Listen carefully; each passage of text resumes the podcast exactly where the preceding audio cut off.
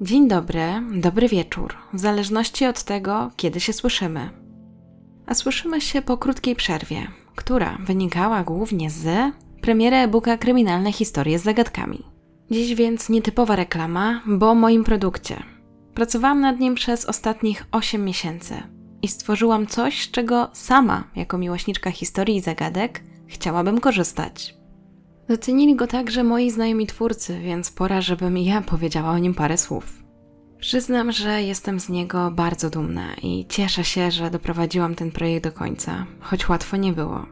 Ale jest i mogę w końcu o nim opowiedzieć. Znajdziecie w nim 10 rozdziałów napisanych przeze mnie kryminalnych historii, przepełnionych różnego typu zagadkami, również szyframi. A do tego przemyciłam wiedzę z kryminalistyki, polecajki serialowe, filmowe i książkowe oraz różne ciekawostki. Zależało mi na tym, aby był jak najbardziej uniwersalny, więc możecie korzystać z niego i na ekranie, i możecie wydrukować, przerobić od razu całość albo działać po rozdziale. Możecie się wczuć w rolę detektywa i odkrywać ze mną po kolei różne tajemnice, zarówno sami, jak i w większym gronie. A żeby Was zmotywować, w całym e-booku ukryłam hasło do sejfu, gdzie czeka na Was niespodzianka. Jeśli gdzieś utkniecie, spokojnie. Przygotowałam również podpowiedzi i odpowiedzi oraz różne bonusy. Jeśli chcecie sprawdzić, jak e-book wygląda w środku, na stronie kryminalnehistorie.com ukośnik e-book znajdziecie darmowy rozdział do pobrania. A jeśli chcecie mnie także posłuchać, to macie do wyboru jeszcze dwa pakiety z audiobookiem oraz audiobookiem i specjalnym odcinkiem o zbrodni połanieckiej. Dodam jeszcze, że ze sprzedaży każdego e-booka 5 zł przeznaczam na schronisko w Józefowie. Jeśli Was zainteresowałam, to przygotowałam dla Was specjalny kod ze zniżką. Wpisując kod kryminalny10 otrzymacie 10% zniżki na każdy z pakietów. Będzie ważny do końca sierpnia. Instrukcje znajdziecie także w opisie. A teraz zapraszam do wysłuchania dzisiejszego odcinka. Wracamy do zbrodni po polsku, czyli serii, w której omawiam sprawy z poszczególnych województw. Przeniesiemy się do województwa podlaskiego i czarnej białostockiej. Opowiem Wam o sprawie, która poruszyła całą społeczność. Czy naprawdę musiało dojść do takiej tragedii?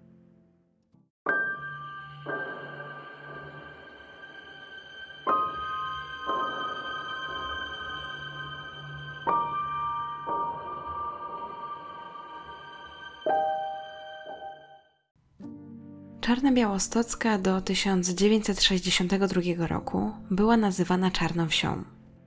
To nieduże miasteczko znajduje się niedaleko Białego Stoku, w województwie podlaskim i zaliczane jest do aglomeracji białostockiej. W zależności od trasy do stolicy tego województwa jest tutaj około 22 albo 25 kilometrów. Zamieszkiwana jest przez ponad 9 tysięcy mieszkańców. Ich spokój w 2001 roku zaburzyła tragedia, której nikt się nie spodziewał. W wyniku decyzji osób dorosłych zginęło dziecko. Czy można było temu jakoś zapobiec? Mariola miała opinię najfajniejszej nauczycielki w szkole.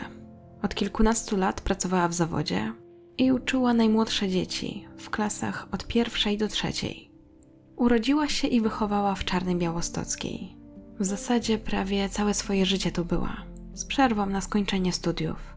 Była postrzegana jako atrakcyjna blondynka, miła, wykształcona. Cały czas dbała o to, żeby się rozwijać. Lubiła swoją pracę i była jej oddana. Znała też kilka języków. Nie chciała spoczywać na laurach. Ambicja jej na to nie pozwalała. Miała również podejście do dzieci. A to sprawiało, że większość z nich z przyjemnością uczestniczyła w jej zajęciach. Była doceniana nie tylko przez dzieci, ale także przez ich rodziców i innych pedagogów. Jej zaangażowanie było widoczne. Coś za coś. Mimo, że zawodowo szło jej dobrze, rozwijała się i miała opinię dobrego pedagoga, niestety w życiu osobistym już tak dobrze się jej nie układało. Znajomi widzieli, że Mariola jest skupiona na pracy. Zastanawiali się, dlaczego ta atrakcyjna kobieta w okolicach trzydziestki z nikim nie jest widywana. Mimo to wydawało się, że jest jej dobrze w życiu. Miała dobrą pracę, nie miała żadnych problemów z pieniędzmi, kontynuowała tradycję rodzinną, bo jej rodzice również byli nauczycielami. Miała w ogóle z nimi dobry kontakt, byli z niej dumni. Cieszyli się, że córka idzie ich śladem, Sami też radzili sobie finansowo, więc żadnych większych problemów wtedy nie mieli. Były to jednak specyficzne czasy, gdy jeszcze kobiety w tym wieku były postrzegane jako stare panny, jeżeli nie wyszły za mąż. Nacisk na to, że kobieta powinna być zamężna, zwłaszcza w mniejszych miejscowościach, był ogromny. Trudno więc było niektórym zrozumieć, co sprawia, że Mariola nikogo nie ma. Przecież była szczupłą, atrakcyjną blondynką. Jak to możliwe, że nikt jej nie zechciał? Zastanawiali się niektórzy. Jednak wszystko wskazywało na to, że po prostu Mariola skupiła się na pracy i nie starczyło już jej czasu na poznanie kogoś. A też nikt po drodze się nie trafił, więc na siłę nikogo nie szukała. Chciała kiedyś założyć rodzinę, zakochać się, tylko na razie nie miała w kim, aż do pewnego spotkania. Był to też moment, gdy powoli zaczynała odczuwać samotność, gdy nie dało się już nie zauważyć, że większość jej znajomych jest w szczęśliwych związkach, mają dzieci, układają sobie razem przyszłość. A ona miała tylko pracę. Czuła, że powoli brakuje jej mężczyzny w życiu. Tylko, że to spotkanie doprowadziło do tego, że z lubianej i szanowanej nauczycielki stała się wytykaną kobietą, o której większość mówiła źle. Ale miłość nie wybiera. Mariola wierzyła, że warto to przetrzymać, byle być z ukochanym, nawet jeśli ich miłość była z tych zakazanych. Wiedziała, że robi źle, ale uczucia były silniejsze. Zakochała się i to naprawdę mocno. Znalazła człowieka, dla którego była w stanie poświęcić wszystko, także swoje dobre imię. Nie było tak, że nikt się nią nie interesował. Jak wspomniałam, była atrakcyjna, przyciągała spojrzenia mężczyzn, ale nigdy nie czuła, że mogłaby to odwzajemnić. Aż na jej drodze stanął pewien mężczyzna Jerzy. Ich spotkanie miało miejsce w 1997 roku na cztery lata przed tym, jak doszło do tragedii. Czy to miała być tylko zabawa, czy jednak w trakcie ich znajomości mężczyzna zmienił zdanie i uznał, że nie może jej dłużej ciągnąć? Jego zamiary nie są do końca jasne. Wiadomo jednak, że to, że rozkochał w sobie Mariolę, a potem porzucił, totalnie zniszczyło ją psychicznie i przyczyniło się do tego, co miało nastąpić.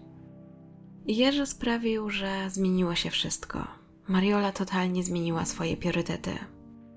Kariera zawodowa miała dalej znaczenie, ale nie takie jak przedtem. Teraz liczył się tylko on i to, żeby byli razem. Ale zacznijmy od początku. Kim był ten mężczyzna, który tak zawrócił jej w głowie? Jerzy był lokalnym biznesmenem. Prowadził różne interesy, a to sprawiało, że był kojarzony w Czarnej Białostockiej i miał też w niej wpływy. Na pewno nie był anonimowy. Do tego, gdy jego syn zaczął chodzić do podstawówki, w której uczyła Mariola, zapisał się do Rady Rodziców, której został przewodniczącym. Była więc to kwestia czasu, zanim na siebie wpadną i się poznają. A stało się to podczas zajęć sportowych. Jerzy od razu zwrócił uwagę Marioli. Nagle nie miało znaczenia również to, że jest mężem i ojcem trójki dzieci dwóch dorosłych córek, które już wyprowadziły się z domu i siedmioletniego syna. Piotruś jako najmłodszy był jego oczkiem w głowie. Między nimi zaiskrzyło. Na początku były ukradkowe spojrzenia, potem rozmowa, flirt, aż w końcu uczucie. Wdali się w romans, a kobieta zupełnie straciła dla niego rozum. Wierzyła, że to nie jest przypadkowa znajomość, że mają poważne plany że w końcu znalazła tego jedynego. Dał jej się poczuć wyjątkowo. Przy nim czuła, że świat się zatrzymuje, że liczą się tylko oni. Było to bardzo silne uczucie, takie, bez którego nie umiałoby się oddychać. Było więc to bardzo niebezpieczne. Ale przy pierwszej prawdziwej miłości człowiek nie myśli logicznie. Chce wierzyć, że to będzie trwać, że ma swoje szczęście i ono nigdy się nie skończy a wszystkie przeszkody zostaną pokonane. Jedną z tych przeszkód było małżeństwo Jerzego, ale mężczyzna uspokajał Mariolę, że to tylko fikcja, że jest żoną tylko ze względu na Piotrusia, a jak chłopiec podrośnie, to on zostawi żonę i będzie z Mariolą. I wtedy przyjdzie czas na realizację ich marzeń. Założą swoją rodzinę. Wyglądało więc na to, że Jerzy również wydawał się podzielać uczucia Marioli Mówił, jaka jest dla niego ważna, jak bardzo ją kocha, że jest tą jedyną. Idylla trwała. Mijały miesiące, a potem lata. Co jakiś czas Mariola delikatnie wracała do tematu małżeństwa Jerzego. Chciała, żeby zostawił żonę i żeby nie musiała być tą drugą. Bała się jednak postawić mu ultimatum, że wtedy mógłby jej nie wybrać, więc trwała w tym nieprzyjemnym zawieszeniu, licząc, że w końcu jakoś to się wszystko ułoży. Trzymała emocje w sobie. Prawie nikt z jej otoczenia nie widział w niej różnicy. Wydawała się być tą samą Mariolą, ale w środku buzowało. Nikomu się nie zwierzała, z wyjątkiem mamy, ale i tak w mieście huczało od plotek. Niektórzy już jawnie wskazywali ją palcami. W końcu spotykała się z czyimś mężem. To nie było łatwe do zaakceptowania, ale Mariola chciała z tym człowiekiem spędzić resztę życia i tylko to się liczyło. Czekała na ten magiczny dzień, o którym mówił Jerzy, gdy Piotruś będzie na tyle dorosły, by zrozumieć decyzję ojca. Nie pomagało też to, że mimo iż ich związek był tajemnicą, to, jak już wspomniałam, w tym niewielkim mieście szybko przestał nią być. Mariola została osądzona. Przylgnęła do niej łatka tej, która uwiodła męża i ojca. W dodatku mężczyznę, który był najbardziej zamożny w tym mieście. Kobiecie nie było z tym łatwo, zwłaszcza, że, jak wspomniałam wcześniej, nie za bardzo opowiadała innym o swoim życiu osobistym. Nikomu się nie zwierzała. Nie miała przyjaciółki, której mogłaby się wygadać. Jedyną osobą, która wiedziała, jak dokładnie wygląda jej obecna sytuacja, była jej mama, która także nie pochwalała tej relacji. Namawiała córkę, aby ta zakończyła tę znajomość, że tylko jej szkodzi, że jak to wygląda w oczach innych ludzi, że przecież to dobrze się nie skończy. Mimo tej różnicy zdań, to właśnie rodzice Marioli byli potem tymi, którzy wspierali ją do końca. A to wsparcie było jej bardzo potrzebne, bo wkrótce zaczęła otrzymywać głuche telefony. Pojawiały się też pogróżki. Nie wiadomo było do końca, kto za nimi stał, co jeszcze bardziej sprawiało, że Mariola nie radziła sobie z tą sytuacją. Była wytykana, samotna i żyła marzeniem o szczęśliwym związku z Jerzym, które wciąż się oddalało. Ale kobieta wierzyła, że jej ukochany mówi prawdę, że to tylko kwestia czasu i w końcu będą razem. Wezmą ślub, a nawet będą mieli własne dzieci. I z tym przeświadczeniem żyła cały czas, aż do momentu, gdy już mijały cztery lata ich romansu. Wydawało się, że wizja wspólnego życia jest coraz bliżej. W końcu kobieta już tyle zniosła. I wtedy stało się coś, co kompletnie ją zniszczyło. Jerzy z nią zerwał. Czy w ten sposób zakończył ich romans, który miał być jednak tylko romansem? A może to jego żona w końcu postawiła mu ultimatum? W tej kwestii pewności nie ma. Pewne jest natomiast to, że mężczyzna zrezygnował ze znajomości z Mariolą. Po czterech latach i tych wszystkich obietnicach zostawił ją z niczym. Zabrał jej całego siebie, zakończył ich kontakt. Mariola się załamała. Początkowo całą swoją energię skierowała na to, aby Jerzy do niej wrócił. Nie mogła zrozumieć, co się stało, jak mógł tak zmienić zdanie i ją zostawić, gdy ona była gotowa poświęcić dla niego wszystko, a on po prostu tak nagle zniknął. Przez te cztery lata nie było jej łatwo, ale jakoś to sobie ułożyła i nauczyła się żyć w tym ich dziwnym schemacie. A teraz została z taką pustką, którą mógł załatać tylko Jerzy, a przynajmniej tak wtedy uważała. Nie była w stanie pogodzić się z tym, że odszedł. Nie wiedziała, jak ma się w tym wszystkim odnaleźć, co dalej robić. Starała się wrócić do swojej rutyny. Chodziła do pracy, uczyła w szkole, nie dawała nic po sobie poznać, że coś jest nie tak. W środku jednak czuła, że nic nie jest już takie samo, że ona nie żyje, ona tylko trwa. Wkrótce wpłynęło to na jej zdrowie psychiczne. Nie miała apetytu, więc nie jadła, nie mogła spać. Tęskniła i czekała, aż Jerzy wróci, ale nie wracał. Dwa razy próbowała targnąć na swoje życie. W tym czasie tylko mama okazała jej wsparcie. Pozostałe osoby z jej otoczenia odwróciły się od niej. A może po prostu nawet nie zauważyły, co się u niej dzieje, bo skrywała to pod maską. Cierpiała na depresję. To sprawiło, że z kobiety pełnej energii stała się swoim cieniem. Dwa razy próbowała targnąć na swoje życie. Wszelkie próby kontaktu z Jerzem kończyły się źle. Była już obojętna dla mężczyzny swojego życia i to ją bolało. Powoli nie wiedziała, co ma zrobić. W programie Historie Prawdziwe w odcinku czwartym Czarna Białostocka, mordercza nauczycielka, pojawiają się fragmenty jej listów. W jednym z nich kieruje swoje słowa do Jerzego. Pyta, po co ją mamił tą nadzieją, po co wypowiadał te wszystkie słowa, takie jak kocham, tęsknię, pragnę. Pisze, że zabiły jej uczucia. Cytuję: Czuję się wyjałowiona, zdradzona i to w bardzo perfidny sposób. Jedyną moją winą było to, że ci tak głęboko zaufałam, że poświęciłam wszystko w imię miłości. Zostałam przez ciebie mocno skaleczona, skażona. Zabiłeś mnie mocno w środku. Straciłam swój honor, dumę, całe swoje jestestwo. Ten list kończy bardzo mocno, podpisując się Twoja miłość, a może tylko Twoja kurwa. To pokazuje, jak silne emocje targały Mariolą. Nie radziła sobie z porzuceniem, z tym, że straciła Jerzego. W końcu więc pod ich wpływem zdecydowała się na to, co później doprowadziło do tragedii. A powodem było innymi to, że w pewnym momencie zaczęła uważać, iż przyczyną, dla której Jerzy ją zostawił, był jego 11-letni syn, Piotruś. Końcu tyle razy jej mówił, że z żoną jest dla jego dobra, że to jego oczko w głowie. Nagle stał się jej wrogiem. To przez niego nie mogła być Jerzym. Ta myśl sprawiła, że zadziałała zbyt pochopnie. 24 kwietnia 2011 roku postanowiła spotkać się z żoną swojego ukochanego.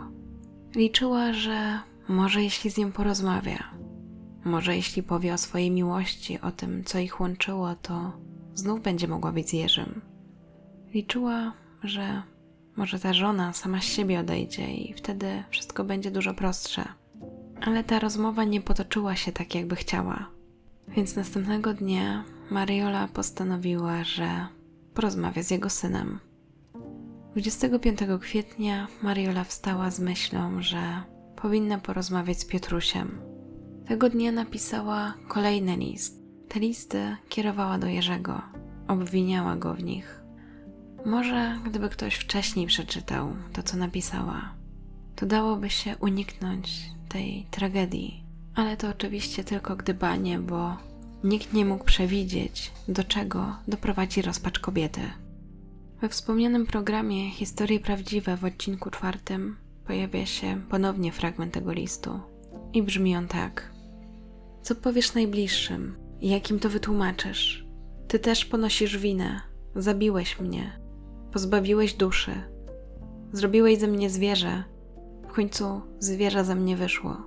Istota pozbawiona wszelkich uczuć. Mariola skończyła pisać i potem weszła do szkoły. Piotruś był uczniem już czwartej klasy.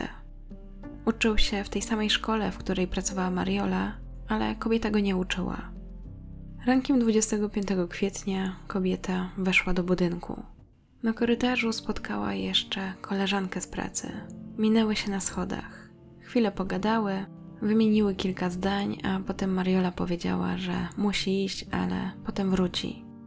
Dla koleżanki Mariola była taka jak zawsze, gadatliwa, takie cześć, cześć, wszystko w porządku, nie wyglądała na jakąś przybitą.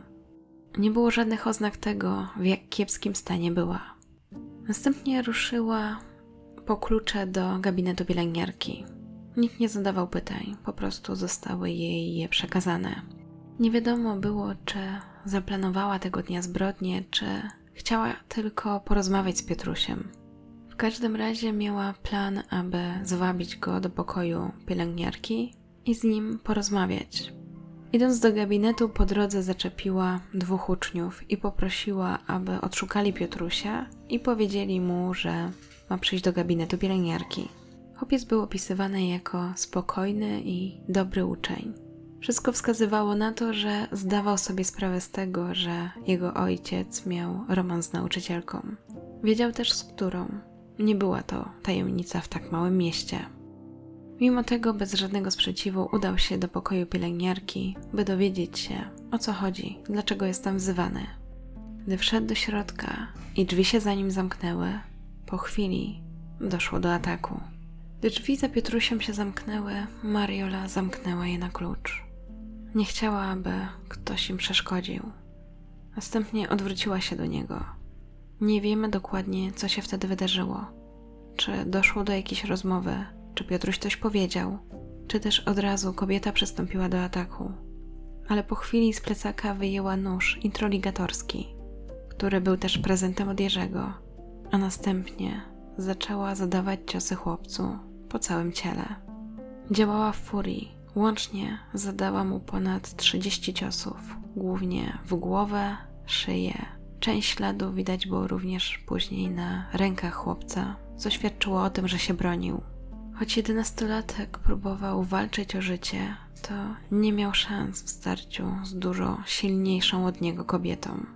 Z gabinetu zaczął dobiegać hałas i krzyki chłopca. To sprawiło, że wkrótce niektórzy zainteresowali się tym, co tam się dzieje. Świadkowie zeznawali później, że nie słyszeli dokładnie, co się działo, tylko właśnie, że były to krzyki i dziwne odgłosy. W pewnym momencie spod drzwi zaczęła wypływać krew i było jej całkiem sporo. Pod tymi drzwiami stała też grupka uczniów, która bardzo się zaniepokoiła. Zaczęli walić w drzwi i apelować, aby zostały otwarte, ale nikt tego nie zrobił. Chwilę później zareagowały dwie nauczycielki, które przechodziły korytarzem. One również dostrzegły, że spod drzwi wypływa krew. Zaczęły krzyczeć i prosić o pomoc, bo same też nie były w stanie wyważyć tych drzwi. W końcu dobiegł do nich nauczyciel WF-u, który jednym kopnięciem wyważył te drzwi. I gdy wszyscy jeszcze byli w szoku, bo właśnie ich oczom ukazał się masakryczny obraz, to wtedy Mariola wybiegła z tego gabinetu i wykorzystując ich nieuwagę, jak najszybciej oddaliła się z tego miejsca. Ktoś jeszcze próbował ją gonić, ale bez powodzenia. Widok, jaki zostali w gabinecie, był tak przerażający, że wszyscy zamarli. Ktoś wezwał karetkę pogotowia, ktoś próbował pomóc chłopcu, ale było już za późno. Zanim pogotowie dojechało, chłopiec zmarł. Widok chłopca skulonego w kłębek w kałuży krwi naprawdę uderzał. Tego dnia odwołano wszystkie lekcje. W mieście szybko rozeszły się informacje o ataku, a pod szkołą bardzo szybko pojawili się zatroskani rodzice. Bali się o swoje dzieci. Nie było jeszcze jasne, co się stało i kto zaatakował jednego z uczniów, ale panika udzieliła się wszystkim. Prawdopodobnie wśród tych rodziców byli już także rodzice Piotrusia. Gdy zaczęły się pojawiać pierwsze plotki, że to właśnie Mariola, czyli ta najbardziej lubiana i szanowana nauczycielka w szkole, zrobiła coś takiego, nikt nie mógł wierzyć. Teraz też trzeba było odnaleźć kobietę, dowiedzieć się, gdzie uciekła i ją zatrzymać. Mogła stanowić zagrożenie dla innych. Jej poszukiwania relacjonowały różne media, między innymi RMFFM. To tam pojawiła się informacja, że kobieta mogła zbiec do pobliskich lasów. We wstępnych poszukiwaniach brało udział około 100 osób. Niestety, ze względu na to, że była to puszcza, poszukiwania nie były łatwe. Chodziło o Puszczę Kneszyńską, a jej powierzchnia wynosi 1050 km2. Poszukiwania 25 kwietnia nie dały żadnych rezultatów, dlatego zadecydowano, że zostaną wznowione następnego dnia od godziny 8 rano. Reporter RMFFM dotarł także do dyrektora szkoły, który potwierdził, że nauczycielka uczyła w tej szkole od 15 lat, a do tej pory nie było na nią żadnych skarg. Z tą pozytywną opinią nie zgadzali się z kolei uczniowie. Pojawiły się pewne informacje, raczej plotki o tym, że kobieta miała bić dzieci po głowie i ciągnąć je za uszy. Potwierdzono także, że kobieta nie uczyła Piotrusia. Początkowo nie był znany motyw jej działania, ale reporterzy szybko ustalili, że właśnie mogło chodzić o romans z ojcem dziecka. Do szkoły sprowadzono psychologów. Dyrektor zadecydował, że następnego dnia zajęcia będą odbywały się normalnie. Na miejscu zjawił się wtedy ówczesny wicekurator oświaty Jędrzej Łucek. Potwierdził, że nic nie wskazuje na to, aby kobieta miała stanowić zagrożenie dla innych dzieci. Rodzice uczniów nie byli do końca przekonani co do jego słów. Pojawiły się także informacje o tym, że Piotruś nie był zadowolony z tego, że jego ojciec spotyka się z nauczycielką. Podobno nawet mówił jej wprost, aby zostawiła jego tatę w spokoju. Miał też wypisywać różne rzeczy na klatce bloku, w którym mieszkała Mariola. Między innymi niecenzuralne słowa oraz groźby, o czym miał informować wprost. W tym czasie policja przesłuchiwała osoby, które mogły coś wiedzieć o tej sprawie. Wystawiono także list gończy za Mariolą i wciąż przeszukiwano lasy. Do mieszkańców Czarnej Białostockiej wciąż nie docierało to, co się właśnie wydarzyło. Byli przerażeni i martwili się o swoje dzieci. Nie chcieli ich puszczać do szkoły. Jak w ogóle mieliby to zrobić, gdy doszło tam do takiej tragedii? Jak z nimi o tym rozmawiać? Jak oni w ogóle mają tam się potem bawić, uczyć? Wciąż jednak uspokajano ich, że Mariola nie stanowi zagrożenia dla innych dzieci. Trwała obława, przeszukiwano różne działki, lasy, rzeki, bagna, a także mieszkania, w których mogłaby się zatrzymać. Łącznie w jej poszukiwaniach brało udział około 200 policjantów. Ostatecznie zatrzymano ją w nocy z 26 na 27 kwietnia 2001 roku, czyli niecałe dwa dni później. Przez ten czas kobieta błąkała się po Puszczy Kneszyńskiej. Później nie do końca wiadomo jak, ale dotarła do zakonu w Markach pod Warszawą, gdzie przemyślała swoją sytuację i podjęła pewną decyzję. Uważała, że ma tylko dwie opcje: albo odbierze sobie życie, albo zgłosi się na policję. Swoją drogą nie znalazłam informacji, jak dokładnie kobieta przedostała się z Puszczy Knaszyńskiej do Marek, ale obstawiam, że jakimś autostopem, bo jest to około 200 kilometrów. I ciekawej historii dowiadujemy się z programu Historie Prawdziwe, gdzie możemy poznać motywację kobiety, dlaczego podjęła taką, a nie inną decyzję. Bo w końcu Mariola zdecydowała się zadzwonić do swojej siostry i opowiedzieć o tym, co się wydarzyło. Tym sposobem też zgłosiła się na policję. A historia przedstawiona w programie wygląda tak, że Mariola, gdy biegała po tej puszczy i już była całkowicie zdezorientowana, co ma robić dalej, to nagle spotkała watachę wilków. I te wilki ją otoczyły, a potem jeden z nich, ten najstarszy, podszedł do niej, obwąchał, zawył, a potem odszedł. I taką historię miała właśnie kobieta opowiedzieć jednemu z policjantów, który ją zatrzymywał, co skomentowała jako właśnie taki powód dla niej, by żyć dalej.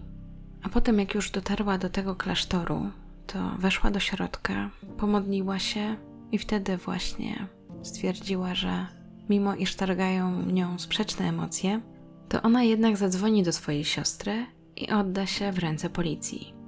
Wiedziała też, że policja i tak trafiłaby na jej trop, więc stwierdziła, że dalej nie ma co uciekać.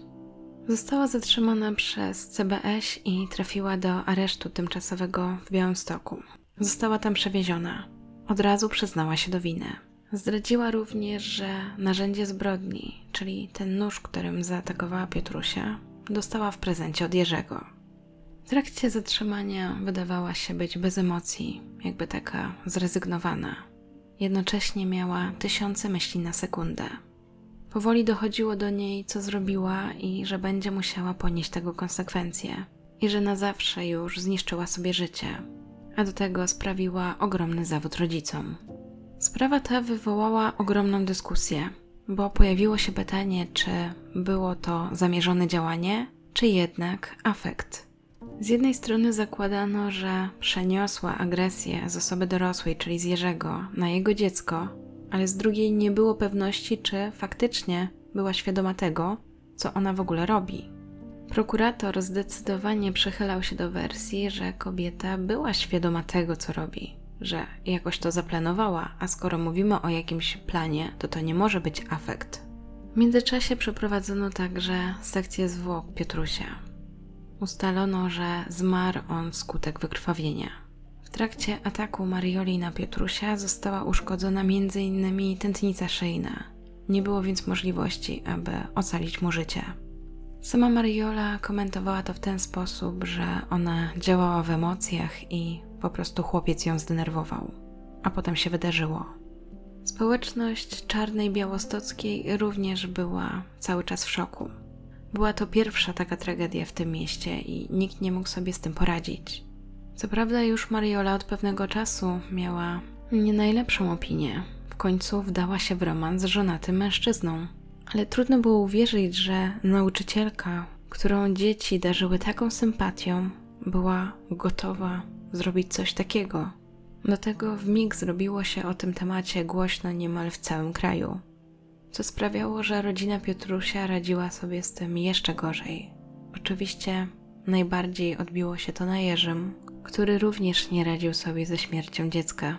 Miał wyrzuty sumienia i obwiniał głównie siebie za to, że doszło do tej tragedii.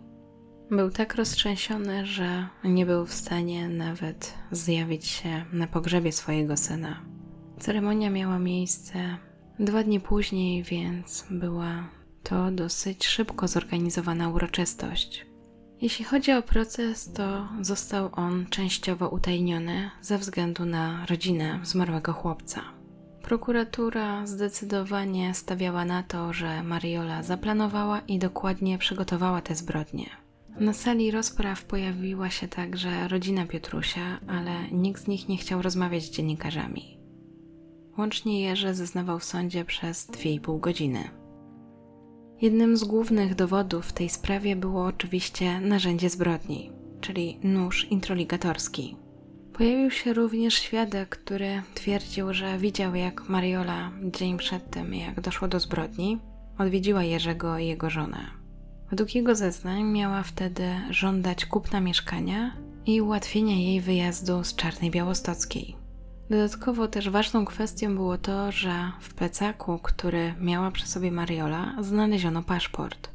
Wyglądało więc tak, jakby brała pod uwagę, że będzie uciekała, czyli jednak planowała zbrodnię. W związku z tym prokuratura wniosła o dożywocie. Wezwano wielu biegłych, m.in. medyków, którzy potwierdzili, że Mariola działała w efekcie fizjologicznym. I z tego co wyczytałam, afekt fizjologiczny, zwany inaczej wzburzeniem, jest na tyle istotną kwestią, że powoduje właśnie wytrącenie człowieka z równowagi, czyli mówimy o sytuacji, gdy mamy do czynienia ze zdrowym człowiekiem i jego psychika zostanie wytrącona ze stanu równowagi. Z kolei silne wzburzenie jest to taki stan emocjonalny i jest on wywołany jakimiś czynnikami zewnętrznymi, Oczywiście jest też kwestią indywidualną, bo zależy od danej osoby. Każdy będzie reagował inaczej. I dlaczego jest to istotne? Dlatego, że kodeks karny przewiduje, że dla osoby, która działa w afekcie, kara będzie złagodzona. Tylko to, co jest ważne, to to, że nie każde wzburzenie sprawcy oznacza, że jest to afekt. Między innymi to, co należy zaznaczyć, to to, że osoba, która jest pod wpływem takiego afektu, nie kieruje się przesłankami rozumowymi. Czyli mówiąc wprost, nie myśli logicznie, kieruje się tylko uczuciami i nie jest w stanie zahamować tych uczuć, tak jakby rozum przestaje działać. I tylko w takiej sytuacji możemy mówić o afekcie. I też jest ciekawe to, że na przykład Sąd Apelacyjny w Warszawie w 2018 roku stwierdził, że, cytuję, niemal każdej zbrodni zabójstwa towarzyszy wzburzenie. Więc też pojawia się problem, jak odróżnić, czy to wzburzenie właśnie jest na tyle jakoś wpływające na stan psychiczny danej osoby, żeby można było powiedzieć, że działała w efekcie. Zatem wracając do sprawy Marioli, mimo że pojawiła się kwestia aspektu fizjologicznego, to ostatecznie biegli psychologowie i psychiatrzy wykazali, że kobieta była świadoma swoich czynów. A co za tym szło, była w stanie kontrolować swoje zachowanie i działała rozmyślnie, co oczywiście wyklucza, że mógłby to być afekt. Była to linia obrony Marioli, więc jednocześnie odbierało jej to ważny argument. Kobieta przyznała się do winy, ale wciąż mówiła, że ona działała w emocjach. Podkreślała, że po prostu ta rozmowa, którą przeprowadziła z Piotrusiem, ją zdenerwowała. Tłumaczyła, że chłopiec się źle do niej odnosił, źle do niej mówił, obwiniał ją i ona po prostu nie wytrzymała. Miała też wrażenie, że to właśnie on stał za tymi wszystkimi pogróżkami i głuchymi telefonami. To sprawiło, że coś w niej pękło, że dla niej to już było za dużo i nie wytrzymała. Na sali sądowej twierdziła, że to się działo jak za jakąś mgłą. Ona nie pamięta tego nawet momentu, jak wyjęła ten nóż i zaczęła dźgać chłopca. Czuła, że nie jest w stanie nad sobą zapanować. Opowiadała także, że wszyscy się od niej odwrócili, że może gdyby wyjechała, to byłoby inaczej, a tak musiała żyć z tym wszystkim, z tą świadomością, że wszyscy wiedzą o jej nieszczęściu. Podkreślała, że nie planowała tej zbrodni, że to naprawdę wszystko działo się w emocjach, a jako argument miała to, że między innymi zapisała się na studia. Tym samym też podkreśliła, że chyba osoba, która płaci ratę za studia, to nie planuje kogoś zabić. Przez cały proces była bez emocji. Wydawała się być opanowana, mówiła dosyć chłodno, ale pod koniec rozprawy w końcu nie wytrzymała. Wtedy wybuchnęła płaczem. Momencie, gdy właśnie próbowała wyjaśnić to, dlaczego doszło do tej tragedii. Ten moment był również trudny dla jej matki, która siedziała na sali rozpraw i nie mogła tego słuchać. W efekcie zasłabła i trafiła do szpitala. Jeśli chodzi o obrońcę kobiety, to on cały czas podkreślał, że jego klientka działała pod wpływem silnego wzburzenia, które było usprawiedliwione okolicznościami. Chodziło o to, aby podkreślić, że to właśnie nie było zaplanowane, że nie chodziło o żadną zemstę i nie było też zamierzonym okrucieństwem, tylko właśnie, że kobieta pękła, nie wytrzymała i dlatego doszło do tej tragedii. Biegli, którzy zostali powołani właśnie przez obrońcę Marioli, również skłaniali się ku tezie, że mogła nie być to zbrodnia właśnie ze szczególnym okrucieństwem. I oczywiście to by było kluczowe dla tego procesu, bo wtedy już nie można by wnioskować o dożywocie, a 10 lat pozbawienia wolności. Wszystko więc zależało od sądu, czy przyjmie właśnie wersję obrońcy Marioli, czy prokuratora. Gdy przyszedł moment, aby kobieta wyraziła skruchę albo żałowała tego, co się wydarzyło, to nie padły takie słowa z ust kobiety. W końcu Sąd Okręgowy w Białymstoku skazał Mariolę na 25 lat pozbawienia wolności.